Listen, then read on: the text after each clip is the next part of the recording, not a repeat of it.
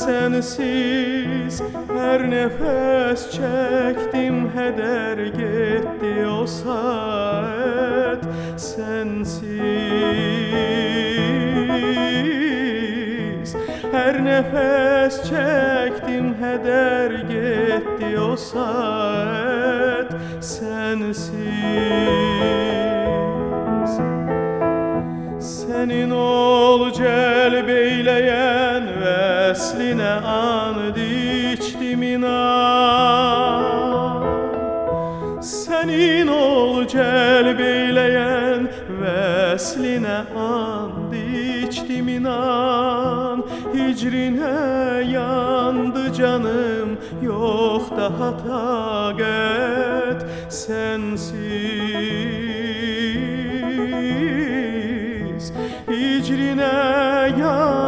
canım yok daha takat sensiz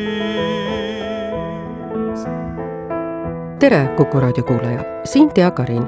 muusika, mis kõlas, on seotud ühe läänes vähetuntud, aga Oriendis kuulsa filosoofiga. tema nimi on Nizami Ganjevi ja tänaseks on ta saanud pea üheksasaja aastaseks ning tema mõtted ja vaated on siiani elavad, nagu nad olid ka kaheteistkümnendal sajandil, kui ta Aserbaidžaani väikelinnas elas kahe tuhande kahekümne esimese aasta kuulutas Aserbaidžaan Nizami Ganjevi aastaks tere tulemast Nizami Ganjevi maailma saates Reisirada, mida tutvustab meile meie vestluses Aserbaidžaani kultuurivahendaja ja Raadio nelja saatejuht Sõnem Alijeva. Tere minu poolt, aitäh kutsumast, mul on rõõm ja mul on au, et täna ma räägin Nizami Ganjevist eestlastele ja Eestis. Et kes on Nizami Genjevi, kui lühidalt öelda, Nizami Genjevi luuletaja, geniaalne luuletaja, poeet ja Nizami Genjevi filosoof. tead, siin on natuke vaidlused, et, et kas filosoofil peab olema filosoofiline süsteem, kas Nizami Genjevi oli see süsteemi filosoofiline, tegelikult ei olnud. miks siis me nimetame teda filosoofiks? et asi on selles, et Aserbaidžaani keeles me ei nimeta teda filosoofiks, me nimetame geniaalne luuletaja, Aserbaidžaani geniaalne luuletaja ja mütefekir, mis on Aserbaidžaani keeles, kui ma tõlgin eesti keelde, kas vene keeles see on ähm, mõsliitsel võib-olla eesti keeles see on kas mõtleja, tark, tark inimene, ma ei tea, kuidas paremini tõlgida see sõna eesti keelde. sellepärast ma tõlgisin enda poolt, et, et filosoofiks. et ta on sündinud Aserbaidžaanis Genže linnas tuhande sada neljakümne esimesel aastal ja mis on väga, ta on üks silmapaistva, paistvaim paistvaimaid luuletajaid Aserbaidžaanis. Ja ta elas kogu oma elu Genžes, ta ei läinudki Genže, see on iidne linn, ta ei läinudki Genže väravast välja, teise linna ka ei läinud, ainult elas ja tegutses Genže linnas ja suri tuhande kaheksasaja üheksandal aastal. vot see on, kui lühidalt öelda Nizami Genževi kohta, siis on ta on kaheteistkümnenda sajandi geniaalne geniaalne luuletaja ja filosoof. vaatamata sellele, et Nizami veetis oma elu Gänže linnas, oli tal juurdepääs heale haridusele.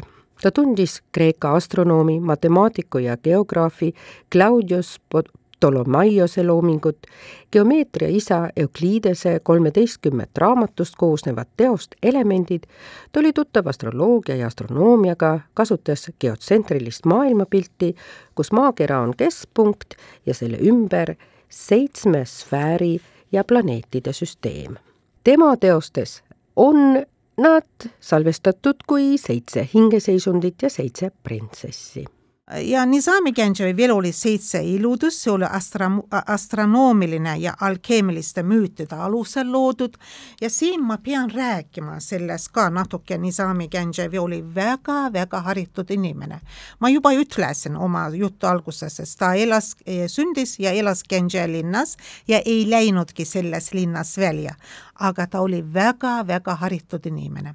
tooaegsed inimesed üldse idamaades, nad said haridus medresedes, medrese see on, ütleme, usklik kool, aga asi oli selles, et tol ajal medresedes oli nii ilmalik kui usklik teadused õpetati nagu paralleelselt. ja Nizami oli see saladuste seitse iludus ja või, või saladuste varamu näitas, et Nizamil oli väga-väga sugavad ähm, teadmised nii füüsikas kui keemias, astronoomias ja see, lugedes neid, ma lihtsalt ise olen, olin no šokeerunud, kuidas inimene, elades kaheteistkümnendas sajandis, nii palju teadis teadustes üldse ja mitte ainult idamaades ja läänes ka teadis hästi palju.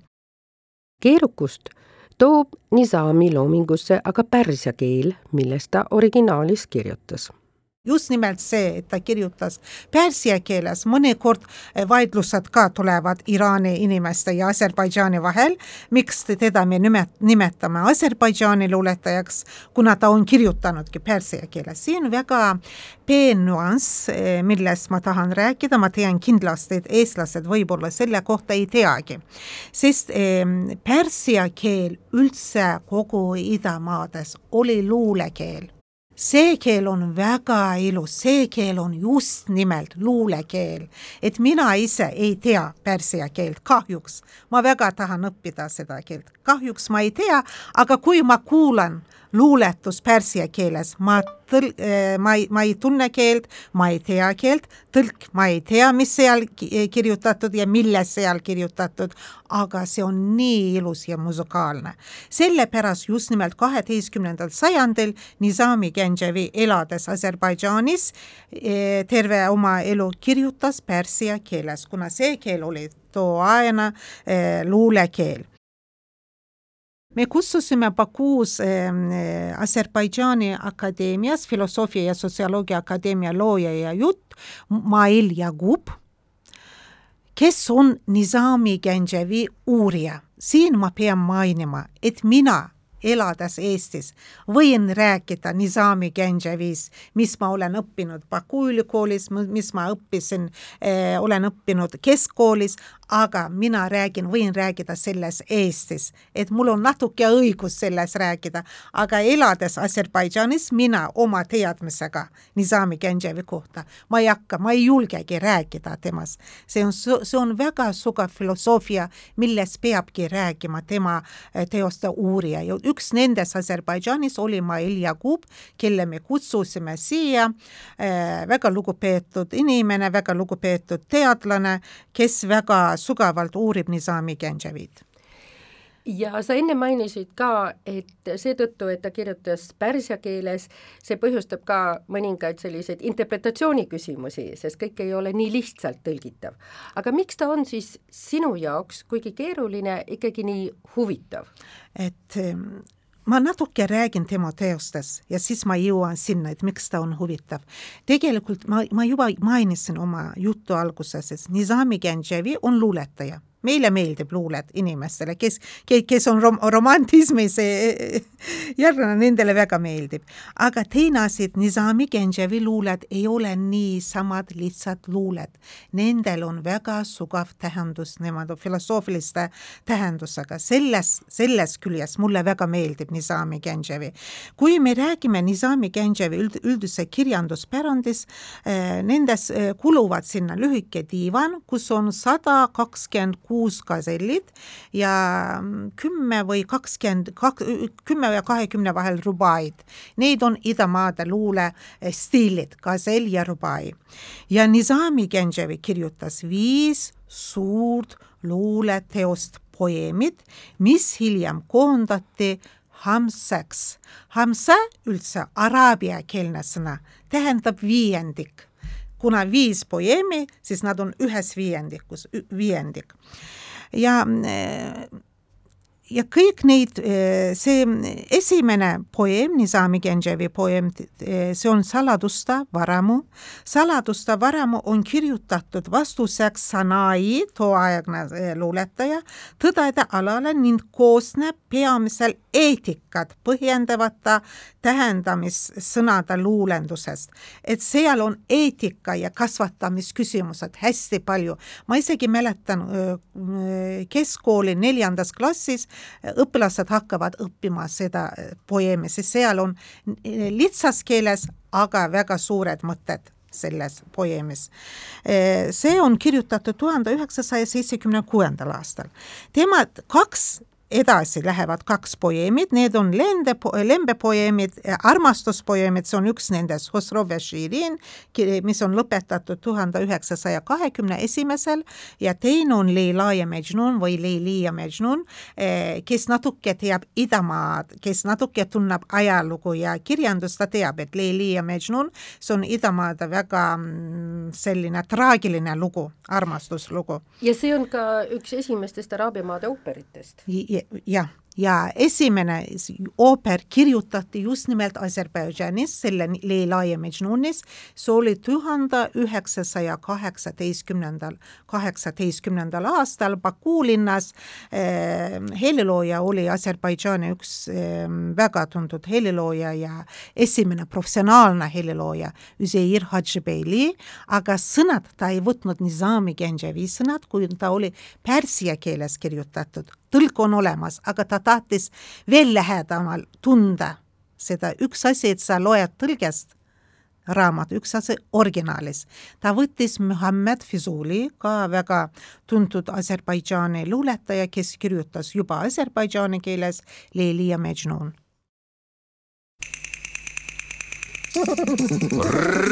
reisirada kui me kuulasime nüüd seda ettekannet professor Jakubilt mm, -hmm. siis seal tulid ju välja ka väga mitmed mõtted ja terminoloogia, mida me kasutame tänapäeval, mis on meie mõtetes ja meie argipäevas täpselt samamoodi kui kaheteistkümnendal sajandil. jah, just tema, e, selle lugupeetud Mail Jakub oma ettekandes rääkis sellest kui õiglusest, tema, tema, tema seminari teema oli Nizami Genjevi vaated õiglusele üldse Nizami Genjevi lugedes sa näed seal humanismi ja õigluse teema, see on, see on ütleme need peamine see joon Nizami Genjevis see on kohe et esimene, et mis Nizami Genjevis sa äh, lugedes sa tunned. ja temal oli üks mõte väga huvitav, ta, ta luges neid, kuna ta oskab pärsia keelt, tal vedas rohkem kui meid teisi. ja ta luges pärsia keeles originaalis, pärast tõlgis neid, mis, mis mõttega oli see luulet. ja üks, ühes mind väga hämmastas, kui ma ku, kuulasin teda kõigi teistega, et ta, äh, see oli, et, et kohe ma proovin tõlgida eesti keelde, et ma ütlen kõigepealt aserbaidžaani keeles adalet hissi olan beyin bayram edir. Adalet hissiyle dolu olan beyinler da, da bayram edir. see tähendab, et kui inimesel ajus on õigluse tunne, see on pidu ajule see on, see on tegelikult nii mõeldes, see on väga tugev mõte. ja pärast ta rääkis üks eh, kaasaegse Ameerika professoris, ma praegu unustasin ta nime, mis oli, ma, ma väga vabandan, et ta ütles, et sarnase mõttega, sarnane mõte on temal, kaasaegne mõte eh, selle õigluse kohta. ja see oli väga huvitav tegelikult mulle endal ka. Nizami viimane poeem on ajalooline see on filosoofiline tekst Aleksander Suurest, mis kõlab Aserbaidžaani türgi keeles Iskender ja see on Iskender Naameka, see Aleksandri raam, raamat, koosneb kahes osas, see on kuulsuse raamat, järgib peamiselt ajaloolu, ajaloolise sündmusi, mis on eh, suur, suur Aleksandri kõik need ajaloolised eh, sündmused, koosneb selles, teine õnneraamat, kus ta kujutab Makedoonia Aleksan-, Aleksandrit mõtleja ja müstilise tõe osa, otsijana, kelle rännakud viivad lõpuks ideaalsele õiglusele, õigluse maale sa ei ole jõudnud veel sellele, eh, mis sulle siis, sa rääkisid nüüd nii ja, palju, eks ja, ole. ja eh, mis, mis, miks mina tahtsin, et eestlastele rääkida, üldse kui võtta laias mõttes, minu idee laias, laiemas mõttes, et eh, mitte ainult Nizami Genževit ja mitte ainult Eestit, üldse lääne väga vähe teab Idamaa kohta tegelikult Idamaa hästi palju teab lääne kohta, me teame Shakespeare'it, me teame Byronit, Goethed ja teisi eh, hästi palju või Eesti eh, luuletajaid ja silmapaistvaid inimesi, aga ase-, e, Eestis või üldse läänes, kui nii võtta, väga vähe teavad idamaade kohta ja Nizami Genževi ka sealhulgas. see juba tekitas mul, kui, kuna aasta on Nizami aasta ja teine, et inimesed väga harva teavad meist ja väga vähe teavad meist ja väga harva loevad, näevad, tunnevad ja siis ma tahtsingi nagu tutvustada Eesti inimestele Nizami Genževit. idee tekkis selle ehm, ja selle alusel ajal ma pöördusin, Aserbaidžaanis tegutseb Aserbaidžaani diasporaa toetav fond, ehm, kes nagu rahastab, toetab sellised projektid, ma kirjutasin oma projekti, saatsin nendele, et, et teha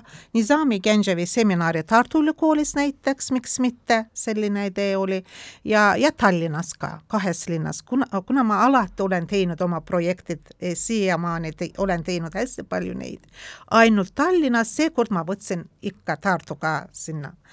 Et pöördusin Tartu Ülikooli poole, Tartu Ülikooli eh, filosoofia ja semiootika instituut oli nõus väga, nad kirjutasid, et nad tahavad sellist seminari ja hakkasime tegutsema, Aserbaidžaani pool rahastas projekti ja projekt toimus novembris, kaheksateistkümnendal oli Tartu Ülikoolis ja üheksateistkümnendal juba esines meie Mail Jakub teadlane Aserbaidžaanis juba äh, Tallinnas.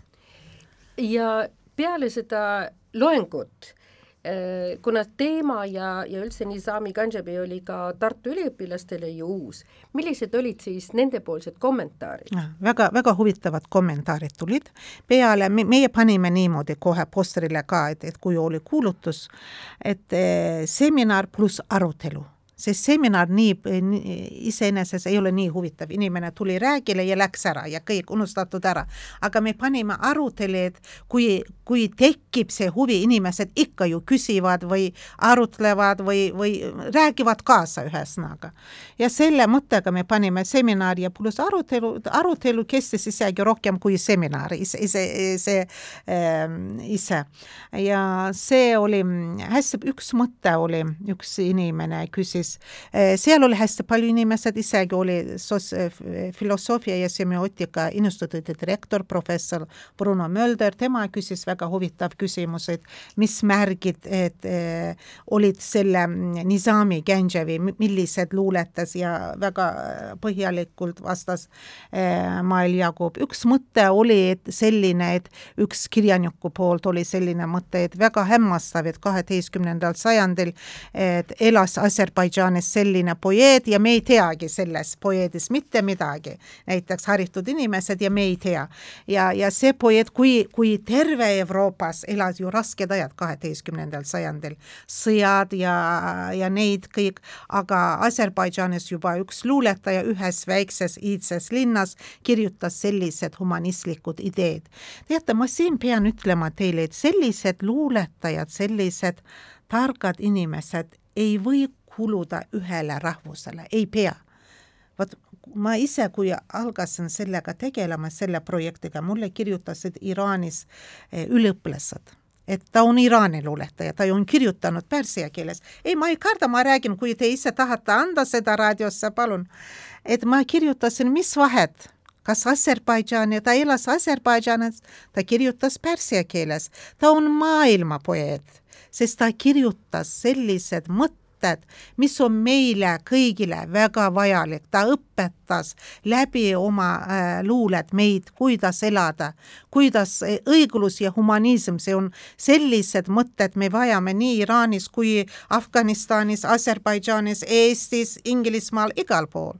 ja ta on maailma poeet, sellepärast ma ei ütle tema kohta, kui räägin, väga tihti ei korda Aserbaidžaani poeet, sellised inimesed kuuluvad meile kõigile. kuna Nizami Ganjavi looming on olnud äh, huvitav ka heliloojatele, siis millised muusikalised teosed on ilmunud, on need olnud romansid, on see olnud ballett, ooper, mis on sellest ja. Äh, välja tulnud? jaa, oli, on olnud äh, väga mitmed romansid, üks nendest on Sensis, Ilma sinuta või Sevgili Canan äh,, armukene, ma, ma ei saa täpselt tõlgida, kuna neid on sõnad sellised sõnad, eestikeelsed nagu ei ole sellised et ja veel üks väga tuntud ballett oli veel nõukogude ajaks, Seitse eh, iludust ballett väga,, väga-väga tugev, tugeva dramaturgiaga ja väga huvitav ballett oli.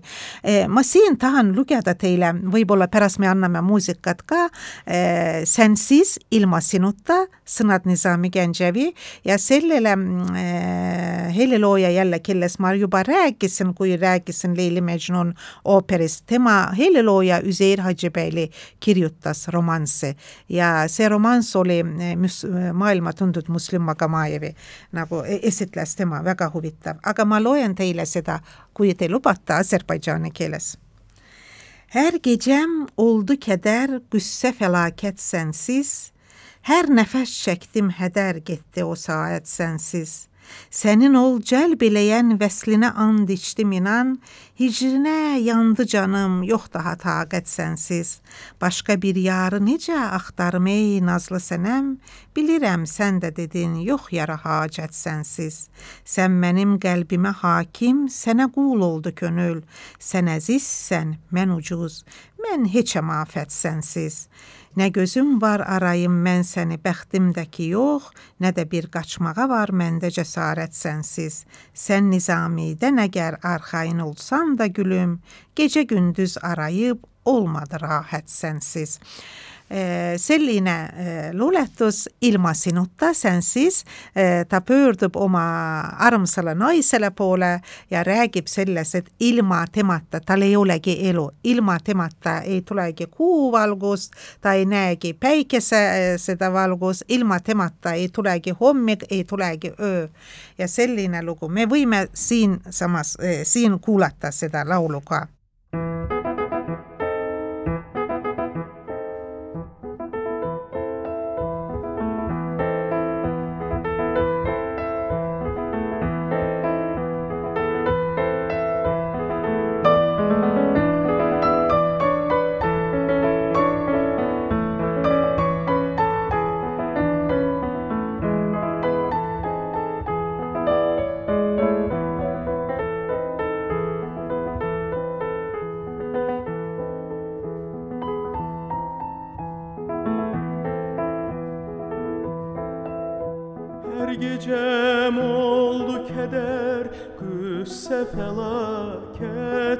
sensiz Her gecem oldu keder Güsse felaket sensiz. Her nefes çektim heder gitti o saat sensiz.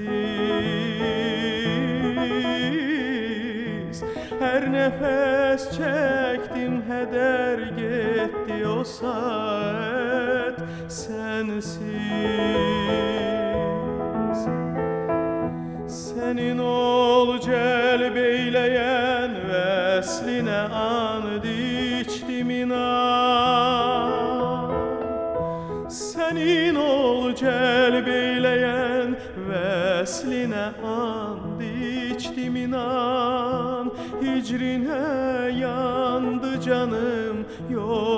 Yok daha takat sensiz.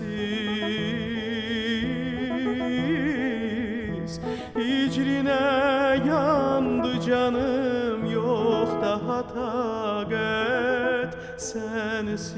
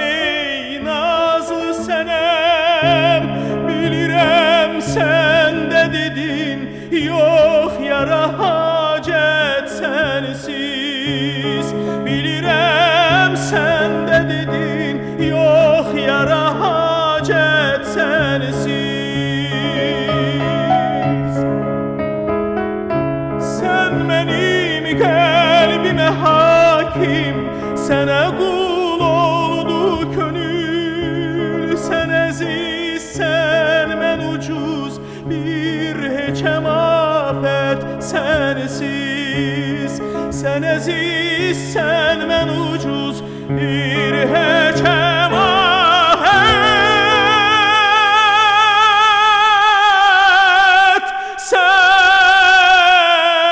Sənsiz Sən nizamidən əgər arxayın olsan da gülüm. Gecə gündüz arayın hasret sensin.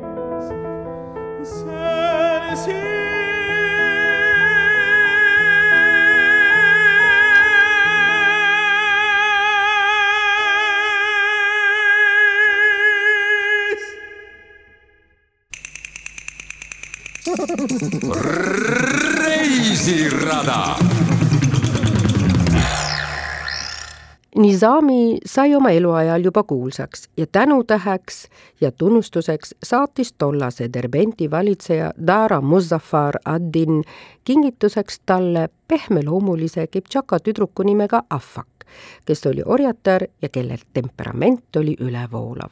selgus, et ta oli Nizami jaoks ideaalne naine, kes tõi Nizami loomingusse hulga inspiratsiooni Need kuus õnnelikku aastat on leidnud kajastust Nizami loomingus.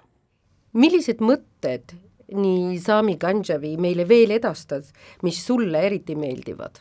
Aha, mulle eriti meeldivad, et, et Nizami Genjevi, ma alustan natuke kaugelt, Nizami Genjevi juba, juba mainisime mitmes korras, et kaheteistkümnenda sajandi luuletaja. ta elas Aserbaidžaanis, ta on usklik see on kindlasti, paljud ütlevad, et ta on sufismi järglane, aga ta ei ole päris sufismi järglane. ta on usklik, aga tema, tema usub, et maailm loodud Jumala poolt Nizami Genjevi igal pool nagu räägib selles, aga ta ütleb ka, et Jumala poolt loodute vahel eh, hulgas kõige kõrgem on inimene. ta hindab väga kõrgelt inimese, ta hindab väga kõrgelt sõna. vot sõna üldse asja eh, idamaades, see, see on suure tähendusega. sõna ei ole see, see, mis läheb sinu suus ja kõik.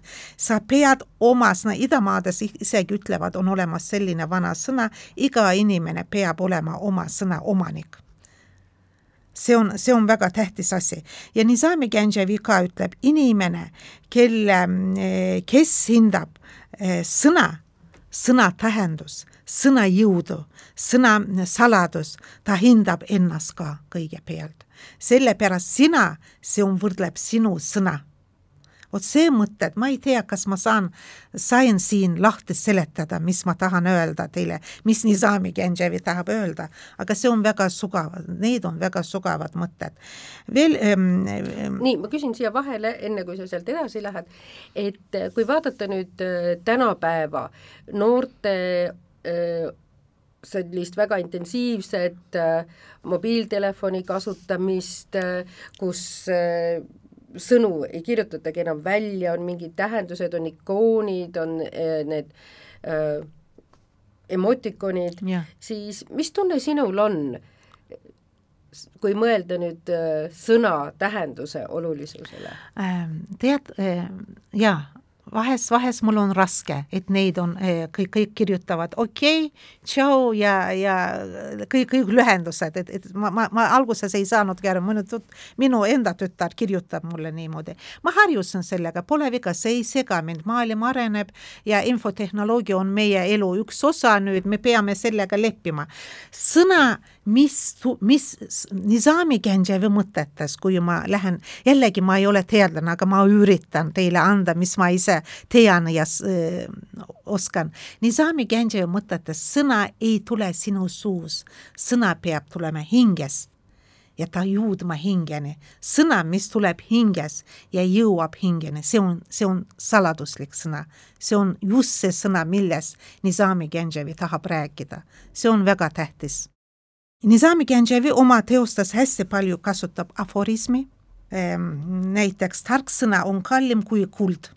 see on üks tema afori-, aforismides, kui, kuna me juba rääkisime sõnades või, või hingest tulnud sõnakood ongi hinged, hingest tulnud sõnakood ongi hinged. ma ei tea, kas ma tõlgisin hästi või mitte, aga ma üritasin. ja, ja just see stiilid aforismide kasutamine oma poeemides, seda nimetati epigrammi stiil. ise poeet nimetas enda stiili karib, karib, see on türgi keeles äh,, Aserbaidžaani türgi keelest äh, tõlgedes tähendab võrratu, kas võõras, uus ja nii edasi ta väga kritiseerib, veel üks mõte, mis mulle meeldib. Nizami Genjevi teostes, ta elas eh, kaheteistkümnendal sajandil, aga ta ei kartnud kritiseerida eh, tooaegsed eh, valitsejad ta kritiseeris neid, ta kutsus neid õiglusele, kutsus neid oma rahva vastu humanismi, humanismile ja see, see sotsiaalsed ebaõiglused Nizami teostes oli väga üks, üks eh, peamine see joon. Ja see ka mulle väga meeldib, kui ma loen tema ehm, tema eh, Nizami sotsiaalse, eh, sotsiaalne ebaõiglus väga, despotism väga palju, et ta kritiseerib neid oma teostes kui nüüd mõelda äh, professor Jakobi ettekandele mm, -hmm. siis äh, nagu sa juba mainisid, väga palju oli seal tegemist õiglusega ja selles kontekstis ka vabadusega. ta rääkis ka sellest, et inimene peab olema vaba, vaba.. mis sulle kõige rohkem meelde jäi? mis oli Nizami Ganjevi õigluse selles, selles seminarist. Ja mulle just meelde jäi, selles ma juba rääkisin teile, et, et, et äh, aju, kus on õiglus, seal on pidu. see mulle väga meeldis tõsiselt, kui inimene on ebaõiglane, kui ta ei näita seda, et see ei sega teda, aga sisemiselt ta ise ka kannatab, ei saa olla ühe inimese vastu ebaõigla-, õiglaselt ja magada hästi. see ei saa olla. võib-olla ta ei näita, võib-olla ta harjunud selle eba, ebaõiglase käitumisega, aga üks hetk tema sisemine maailm ütleb talle, et see ei ole õige ja ta saab sellest ka aru. ja ta kannatab rohkem, ma arvan, kui teised, kes sai selle ebaõiglase, kelle vastu ta oli ebaõiglane, ma arvan, ja see mõte ma, mind pani mõtlema väga palju, et ma mõtlesin sellele ja ma, ma, ma, ma leidsin isegi näited enda ümber, kuidas on elu, kuidas käib, kes kelle vastu oli ebaõiglane, kuidas ta käitus. vot need asjad on väga tähtsad tegelikult, väga sügavad mõtted on nendes milles sa näed äh, Nizami Ganjavi tollaseid mõtteid meie argipäevas? meie, meie igapäevas neid ongi, et kuidas meie peame käituma õiglase, me peame õigla-, see on õiglus, see on nii hea sõna, sõna isegi iseeneses et olla õiglane, kui ta, see on, see on väga tähtis, ma arvan, et kõigepealt me peame alustama sellest, et olla õiglane enda vastu ja teiste vastu ka, mitte ainult enda. me mõnikord meie enda suhtes oleme ebaõiglased, mõnikord me ei anna endale isegi puhkust, see ka on ebaõiglas, õiglane enda suhtes, ma arvan. et see on väga-väga sügavad mõtted, kui nii mõelda ma arvan, et oleks ka praegu nüüd väga õiglane meie kuulajate suhtes luua neile ka ettekujutus, milline nägi siis Nizami Ganjavi välja, meil on tegemist kaheteistkümnenda sajandi inimesega ja võib-olla me ei oska teda õieti ette kujutada, milline ta oli siis Venemaal äh,? muidugi pildid tänapäevani ei ole säilitatud tema poolt, aga ta kujundatud, et teod, humanism, õiglus, sellised head mõtted, selline filosoof, selline luuletaja, kui vaadates tema pilti, mis on juba, on olemas meil, ma ei tea, võib-olla nõukogude ajal kellegi poole esimest korda, väga hea küsimus tegelikult, ma pean uurima, kes esimest korda joonistas tema. Äh, ja väga, väga ilus mees, ütleme, väga ilusa välum-, välimusega, kelle näolt sa juba näed? Seda õiglus, humanismi, sellised sugavad mõtted. Äh, hästi palju on kirjutatud Nizami Genjevi, joonistatud hästi paljude äh, kunstnikute pool, nii Aserbaidžaani kui, kui välismaa kunstnikute poolt ja väga palju kootud tema pildid. Aserbaidžan on tuntud oma vaibade poolest. hästi palju vaiba äh, on olemas Nizami pildiga, hästi palju vaibu on olemas Nizami pildiga ütleme siin ära ka selle, et äh, kes äh, Nizami Ganjavi vist tahab endale luua ettekujutust, siis vaibana on ta ka Aserbaidžaani majas täiesti olemas. jah, on olemas, on olemas, seina, seintes, Aserbaidžaani majade seintes. ja veel üks asi, et Nizami Ganjavi poeemi kangelased ka on kootud vaibade peale et see on miniatüür, kunstnikud teavad hästi, see on idamaade väga iidne eh, joon, eh, kunstijoon, miniatüür ja ta on miniatüürid hästi palju tehtud Nizami Genjevi poeemides, Hämses viiendik, me rääkisime sellest, ja veel kangelaste pildid ka on kootud vaibade peale kes need kangelased näiteks olid eh,? olid erinevad, olid Bahram Shah, oli Leili, oli Mejnun, oli Hosrov, oli Iskender, suur Aleksander, Makedoonia Aleksander ja paljud teised. kas Aserbaidžaanis kodudes võib leida kuskil elutoa, magamistoa seinal vaipa Nizami Ganjevist või tema kangelastest okay.? tänapäev, kui minu lapsepõlves, kui ma lähen sinna tagasipoole, siis igas, igas peres sa oleks näinud kas Nizami Ganjevi pildiga, kas üldse klassikute pildid, mul endal vanaemal oli näiteks Nizami Ganjevi pildiga. aga tänapäeval inimesed väga seintel ei, no täna kaasaegsed inimesed, nad, aga kodus väiksed eh, vaibad mis on, mis on kootud väga väiksed, juba seintele ei ole vaja, nad nagu lauavaibad, ütleme nii, et seisavad ja paljudel on, paljudel on. kas see tähendab ka seda, et kui minna nüüd Bakuus vaibamuuseumisse, siis seal me leiame ka just selliseid traditsioonilisi vaipu Nizami Ganževis. kindlasti, kui te lähete Vaibamuuseumisse või te lähete ähm, Heidar Alijevis keskusesse, te näete seal kindlasti nii Nizami Ganževi kui ka tema teoste vaibad ja miniatüürid, kindlasti tol ajal, kui Nizami Ganžev elas, oli Aserbaidžaanis juba halifaat ja seetõttu oli tal Araabia nimi. milline oli aga tema päris nimi? see Araabia järgne nimi tal oli, kuna ta, ta oli tuntud inimene, ta, ta pidi nagu kandma selle nime.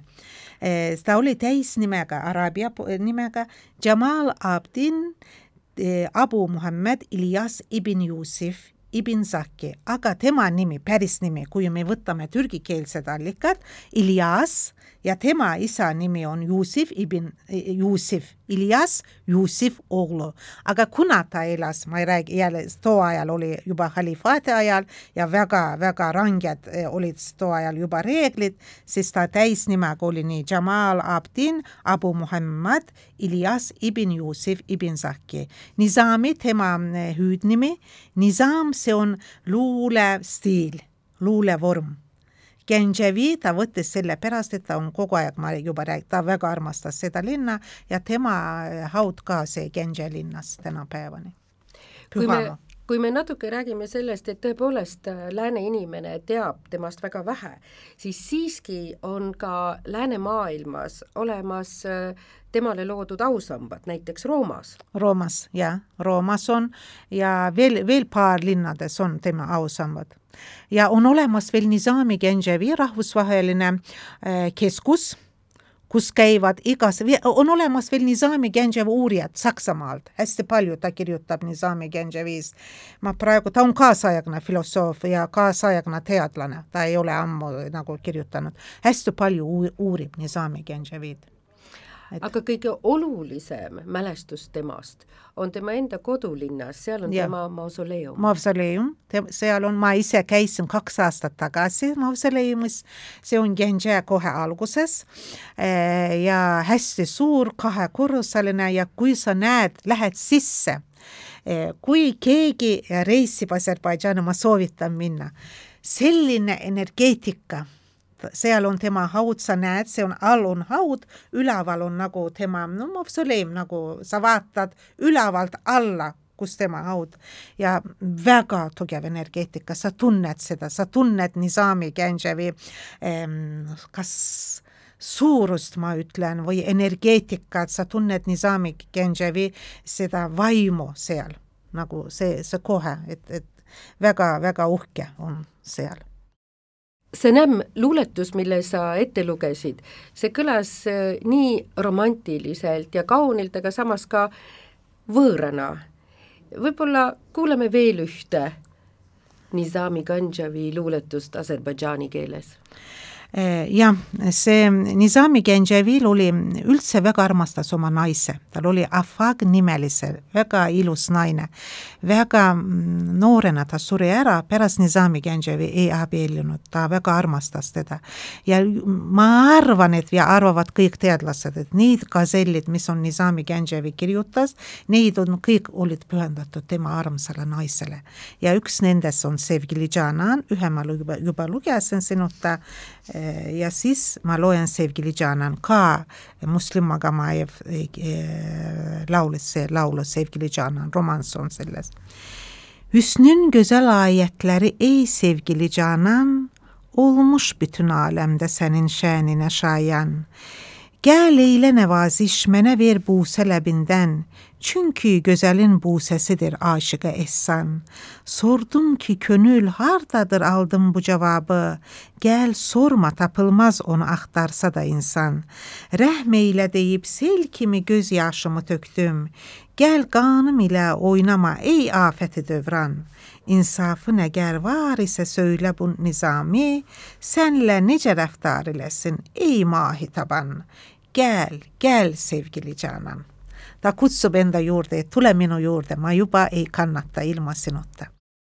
et meil oli võimalus tutvuda Tallinnas ja Tartus Nizami Ganjaviga, siis oleme meie tänulikud Sanam Alijeva initsiatiivile ja tema omakorda neile, kes talle projekti võimalikuks tegid ma tänan kõigepealt Aserbaidžaani diaspora, diaspora fond, et nad uskusid meisse ja nad andsid selle, sellele nagu, et eh, positiivse vastuse ja me hakkasime korraldama siin, ma tänan eh, Tartu Ülikooli, väga tänan Filosoofia ja Sotsioloogia Instituudi, et nad jäid nõusse sellega, et nad koostöös ja väga hea vastuvõtu ees ja ma tänan selle instituudi direktorit, professori, lugupeetud härra Bruno Möldrit, et ta ise osales ja, ja see oli meie jaoks väga tähtis. ma tänan, paljud teavad või ei tea, ma ei tea,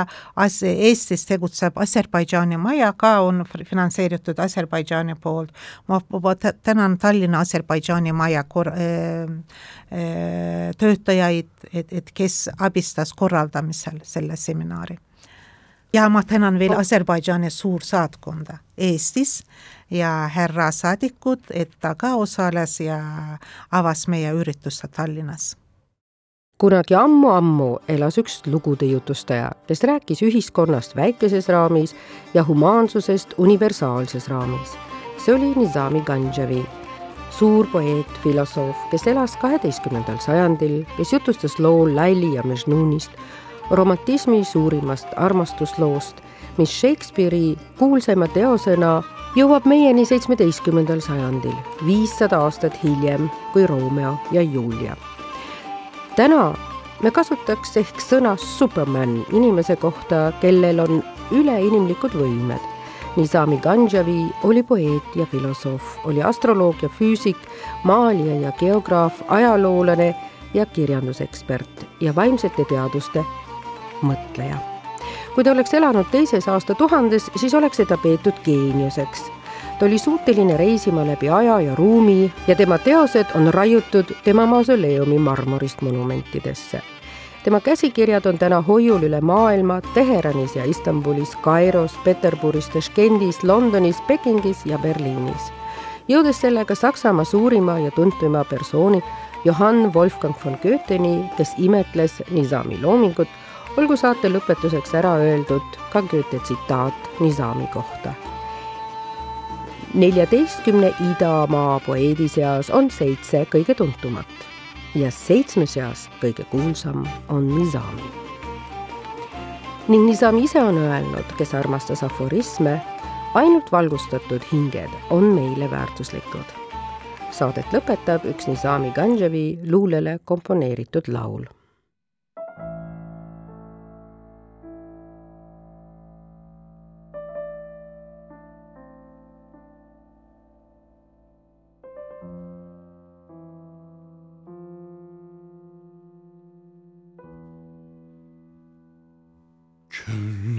Vitaminle çağına yetti. Ahim o da simane yetti. Ahim o da simane yetti Ayrılmaram ölmeyince senden Kem hençeri kelbe kavne yetti. Könlüm siteminle çavne yetti. Simonetti, ah in modo Simonetti, ah in modo Simonetti. Ayrılmaram ölmeyince senden, gem henceri kalbe kavnettin. Eşkin nece gizledim cihan da Şorim o biri etti. Eşkin nice gizledim cehanda Şurim o biri etti. Göz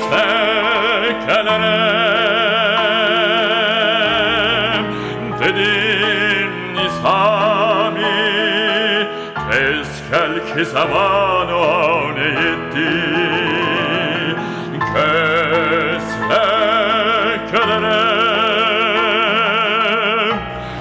de dinni sami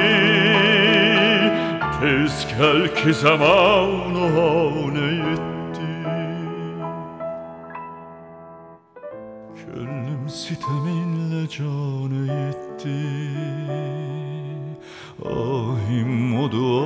simane etti. Ayrılmaram ölmeyince senden Gem hencerim kalbe gane etti. Eşkinece gizledim cihanda. Şurim o biri cihana yetti Göz lekelerim dedin Nizami. Tez gel Tez gəl ki, zaman o anə yetdi.